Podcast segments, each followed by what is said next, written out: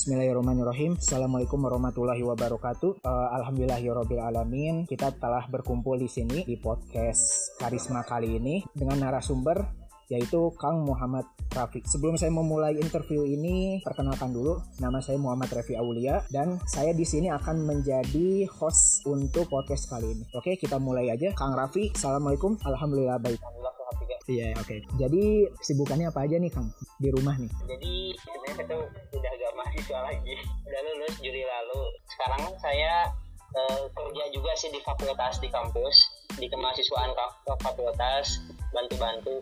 Di mana ya di situ juga disupport jadi saya buat S2. Jadi ya untuk uh, sambil mengisi persiapan kuliah S2 jadi saya sambil bantu-bantu di fakultas kayak gitu sih oh ya luar biasa berarti oke kita langsung aja mulai Kang ada pertanyaan nih yang pertama itu pertanyaan tentang apa maksud tujuan hidup itu sih kalau menurut Akang sendiri nih? Ya, kayaknya sih tiap orang juga punya makna atau definisi dari pertanyaan ini masing-masing ya. Apa itu tujuan hidup? Tapi yang pasti kalau Muslim uh, secara agama, secara tuntutan uh, dari syariat Islam tentunya tujuan hidup itu adalah untuk mendapatkan ridhonya Allah gitu ya karena ya dalam surat al-zariyat juga kan disampaikan kita hidup itu untuk beribadah gitu kan diciptakan oleh Allah untuk beribadah. Wa ma khalaqal jinna wa insan beribadah. Itu jadi kalau dalam segi akhirat tujuan hidup kita secara hakiki itu untuk ibadah. Walaupun mungkin kalau kita kerucutkan lagi uh, ada yang disebut dengan visi ya. Visi atau targetan. Misal saya pengen jadi dosen gitu. Itu kan tujuan hidup juga mungkin walaupun dalam hal ini untuk tujuan profesi. Iya profesi Jadi, juga. itu lebih kerucut nah semuanya itu tetap uh, harus kembali lagi ke tujuan awal hakikinya itu untuk ibadah kepada Allah. Oke okay, uh, eh, pertanyaan kedua ya kang. Ya. gimana nih kita lihat sekarang ini kan remaja itu banyak distraksinya nih. Menurut akang nih mengapa memiliki tujuan hidup itu penting nih di zaman ini? Hmm, kalau memang sih hari ini tuh kalau bicara soal zaman sekarang, bicara soal distraksi, pernah dengar, eh pernah baca juga sebuah artikel kalau nggak salah, ya penulisnya itu Leo Babuta. Dia pernah menyampaikan today is the age of distraction gitu ya. Tapi di, di samping itu dikatakan juga oleh Leo Babuta, today is the age of information jadi mungkin karena saking banyak informasi yang masuk ke pikiran otak kita kayaknya mungkin itu juga menjadi distraksi bahkan dalam kegiatan apa pun bahkan distraksi itu sering muncul gitu ya setiap detik setiap menit itu distraksi itu kadang-kadang membuat kita agak fokus mungkin kalau bicara satu tujuan hidup ya fokus itu punya cita-cita jadi dokter itu karena lihat orang lain sukses bisnis akhirnya melirik bisnis.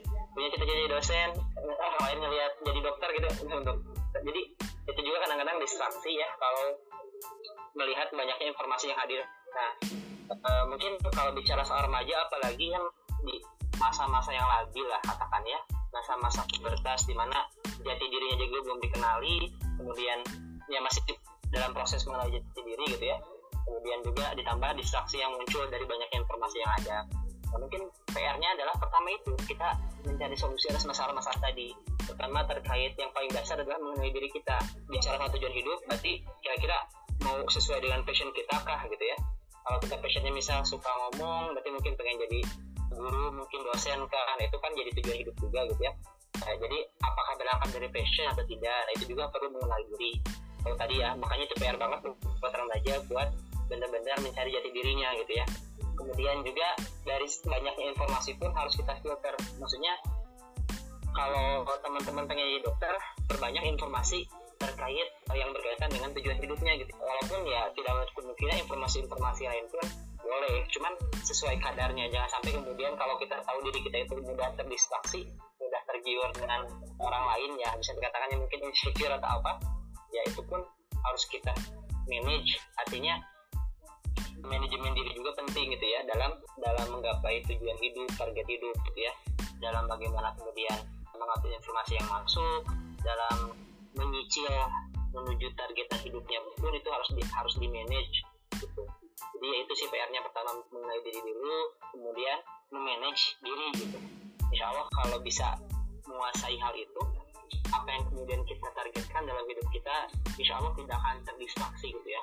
Walaupun ya gak apa-apa bermasalah juga sebenarnya ya terdistraksi tapi kita juga harus terus gitu ya fokus dengan apa target hidup gitu ya. Yang hal-hal yang muncul di sisi kanan kiri kita informasi apa pun yang membuat kita tergiur itu mungkin sebagai pendorong kita untuk mencapai target kita gitu ya. Itu mungkin. Berarti tujuan hidup itu memang benar-benar penting sekali itu yang pertama itu mengenali diri sendiri dan kedua itu informasi itu harus difilter supaya tujuan itu benar-benar fokus. Untuk bagaimana sih orang yang mempunyai tujuan hidup dan orang yang tidak mempunyai tujuan hidup nih. Kalau akan lihat pernah selama di kampus ataupun selama di sekolah, misalkan dari sisi karakter atau dari sisi mental gitu. Ataupun yeah. yang akan rasakan gitu. Ketika kalau Akang itu punya tujuan gitu. Apa yang akan rasakan secara mental atau secara perasaan gitu. Iya, kalau saya pribadi alhamdulillah ya ini sebelum aku menilai orang lain dari saya pribadi selalu setiap aktivitas itu harus ada tujuannya gitu ya. Hmm. bahkan kayak simpel mungkin sekedar pergi ke suatu tempat itu harus jelas tujuannya. Kadang-kadang kan banyak tuh yang pergi dulu baru membangun tujuan gitu ya. Kalau saya tipe orang yang harus ada tujuannya dulu gitu biar tidak sia-sia gitu. Dan itu pun muncul dari mindset ketika melihat kondisi di luar ya ini masuk ke penilaian kepada orang lain karena banyak orang yang sukses itu adalah mereka yang punya tujuan hidup gitu. Jarang bahkan saya kayaknya belum pernah melihat orang yang sukses datang datang dari orang yang gabut gitu ya. Datang dari orang yang gak punya tujuan gitu ya. Walaupun mungkin ya gak tahu sih kayaknya ada aja. Cuman saya pribadi kurang begitu aware terhadap orang-orang yang gitu dan memang jarang melihat juga. Tapi kebanyakan orang yang sukses adalah mereka yang jelas. Mereka itu punya tujuan hidup mereka itu uh, targetnya itu jelas timeline dan seterusnya. Bahkan masuk ke list mereka gitu ya. Karena benar-benar mengikhtiarkan benar-benar membuat strategi untuk mencapai target hidupnya.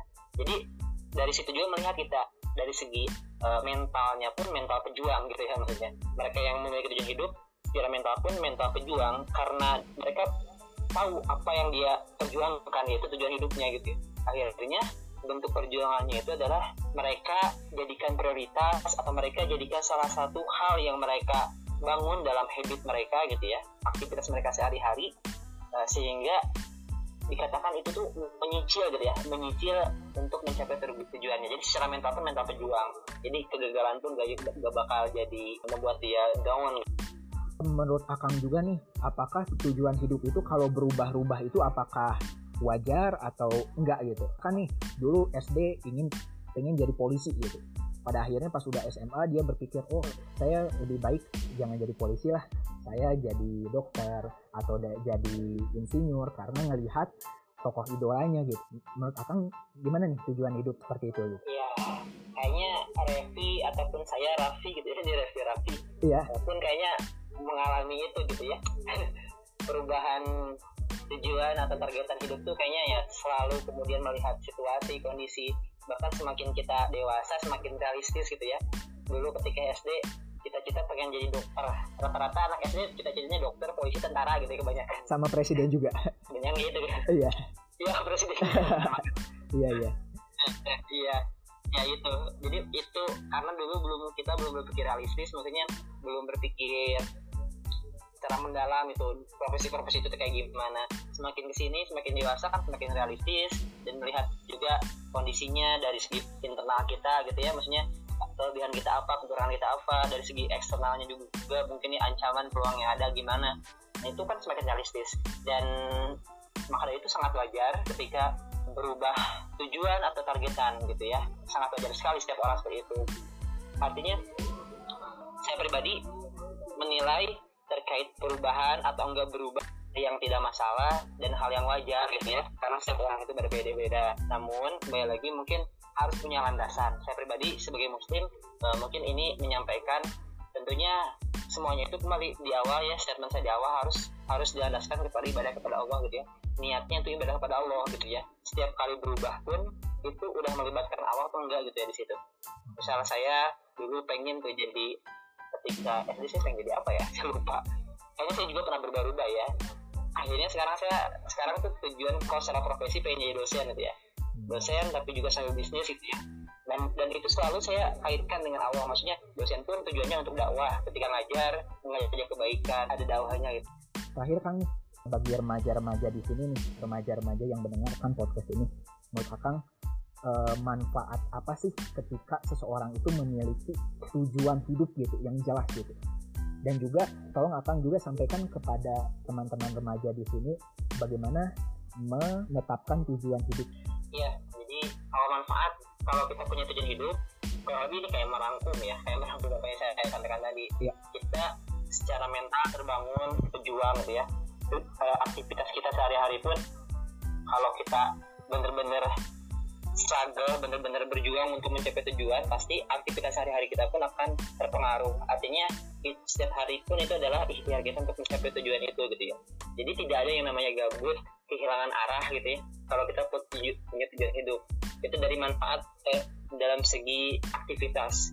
Nah manfaat lainnya dari kita punya tujuan hidup kalau itu dikaitkan dengan ibadah ya tadi kan makanya harus kembali kepada ibadah akan menjadi pahala gitu ya akan menjadi ha- pahala. Setiap aktivitasnya akan menjadi pahala. Kemudian kita tuh akan terbangun personal brandingnya. Kalau kita punya tujuan hidup.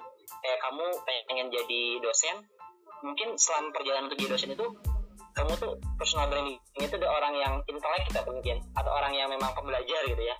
Perjalanan untuk menuju ke sana pun kamu tuh sudah terbangun tuh. Maka ini sangat penting. Dari segi manfaatnya pun akan sangat banyak. Eh, terlebih kalau dikaitkan kepada Allah artinya itu menjadi amal juga gitu ya. Dan insya Allah itu pun ibadah kepada Allah gitu ya. Nah tadi yang kedua itu saya pun ini merespon hal ini. Eh, saya juga alhamdulillah punya beberapa adik binaan remaja dari sekolah-sekolah SMA SMK di beberapa daerah. Dan yang saya ajarkan ke mereka itu tentang pentingnya punya tujuan hidup tentang kemudian bagaimana mencapai tujuan hidup dari segi hal membangun diri di sehari-hari gitu ya kayak bikin list dan seterusnya. Jadi mungkin pesan saya kurang lebih hampir sama dengan apa yang saya sampaikan ke adik-adik binaan saya ya adik-adik remaja binaan saya. Di mana saya sampaikan di sana tuh kita yang paling pertama itu adalah kita harus menjaga hubungan kita dengan Allah ya. Insya Allah bahkan ketika kita tidak punya tujuan hidup pun gitu ya kalau hubungan kita dengan Allah sudah dijaga insya Allah gitu Allah yang akan mengarahkan gitu. Satu itu. Yang kedua hubungan kita dengan orang tua. Hubungan kita dengan orang tua. Karena ridhonya Allah itu ada di diri orang tua gitu ya. Ini adik-adik remaja penting banget. Bahkan saya mengajarkan ke adik-adik binaan saya kalau bisa setiap pagi bantu ridho orang tua. Kalau bisa setiap pagi minta doa orang tua. Setiap pagi doain orang tua gitu ya. Banyakin ngobrol dan seterusnya gitu ya. Itu pun akan Allah bimbing juga ketika kita bisa berbakti kepada orang tua. Nah setelah itu guru-guru kita ini mohon maaf ya kalau agak banyak ya karena ini apa yang saya sampaikan juga ke adik-adik binaan setelah orang tua coba deh bangun hubungan yang baik juga dengan guru-guru kita gitu ya. Karena tujuan hidup kita pun seandainya kita punya tujuan hidup tercapai karena guru-guru kita. Karena kita diajarkan dididik oleh guru-guru kita dari SD SMP SMA dan seterusnya gitu. Nah kalau bisa coba termasuk juga guru-guru ustadz juga guru ngaji yang kita pun di sana harus membangun hubungan yang baik gitu ya. Misal coba deh sekali kasih hadiah ke mereka sesekali doain mereka sesekali mintain doain minta doa mereka gitu ya. Penting ini. Uh, saya pribadi kayak ngasih hadiah tuh ke mereka dijadwalin gitu ya. Bulan ini ngasih hadiah ke guru yang mana. Pentingnya restu dari guru-guru kita. Nah kalau dalam segi ini dalam segi mungkin ruhiyah nah kalau kata siapa ya? Success occurs when opportunity meets preparation. Artinya kalau teman-teman pengen sukses menggapai tujuan di samping tadi itu mungkin ada ada dua faktor ya dalam mencapai tujuan itu ada persiapan sama peluang. Nah kalau peluang itu hal yang bukan kawasan kita kita nggak bisa uh, mem mempersempit peluang karena itu bukan kawasan kita dan itu tuh bisa disempitkan didekatkan itu dengan kita mendekatkan diri kepada yang maha memberikan peluang yaitu Allah. Makanya dia harus dibaikin tuh hubungannya dengan Allah dengan orang tua dengan guru gitu ya. Berbanyak doa eh, ngajinya juga diperkencang dakwah juga diperkencang itu insya Allah akan mempengaruhi sekali dalam tujuan hidup. Yang kedua success occurs when opportunity meets preparation. Nah yang kedua preparation penting. Makanya teman-teman kalau teman-teman mungkin ini yang nggak punya tujuan coba harus banget sekarang punya tujuan. Walaupun mungkin depannya bisa jadi akan berubah gak apa-apa. Setidaknya hari ini esok dan mungkin seminggu minggu atau beberapa waktu ke depan yang sebelum teman-teman tujuannya berubah itu setidaknya aktivitas teman-teman itu apa sudah terbangun gak gabut gak ke mana-mana. Yang minimal itu jadi udah nyicil dari sekarang gitu jadi yang pertama harus punya tujuan hidup dulu. Saya ucapkan selamat buat adik-adik remaja yang sudah punya tujuan hidup sisanya teman-teman tinggal coba pelajari dulu gimana cara menggapainya. Dari segi persiapan teman-teman coba bangun struktur aktivitas yang memang menuju ke sana. Coba bangun uh, mindset yang menuju ke sana. Coba bangun personal branding yang menuju ke sana gitu ya jadi itu dalam segi persiapan. Teman-teman belum disebut saya ragu ketika teman-teman bicara so soal tujuan. Kalau teman-teman nggak masukin itu tujuan teman-teman ke to-do list harian teman-teman saya ragu kalau teman-teman bilang bicara soal tujuan. Kalau tujuan itu nggak masuk ke doa teman-teman gitu. Nah makanya penting juga kemudian untuk teman-teman mempersiapkan itu semua gitu ya artinya ikhtiarnya kencengin doanya juga kencengin intinya sih itu gitu ya Revi oke okay. Terima kasih banyak Kang. Pembicaraan hari ini benar-benar memberi saya juga insight yang baru ataupun pandangan yang baru gitu terhadap tujuan ini. Terima kasih banyak Kang untuk waktunya. Mohon maaf uh, mengganggu waktunya Kang. Enggak apa-apa santai-santai. Makasih undangannya ya. Iya, sama ngobrol-ngobrol mudah-mudahan bisa silaturahim lagi. Iya, sama-sama Kang. Oke, untuk acara hari ini saya cukupkan bersama Kang Raffi. Cukup dulu sampai di sini. Wassalamualaikum warahmatullahi wabarakatuh.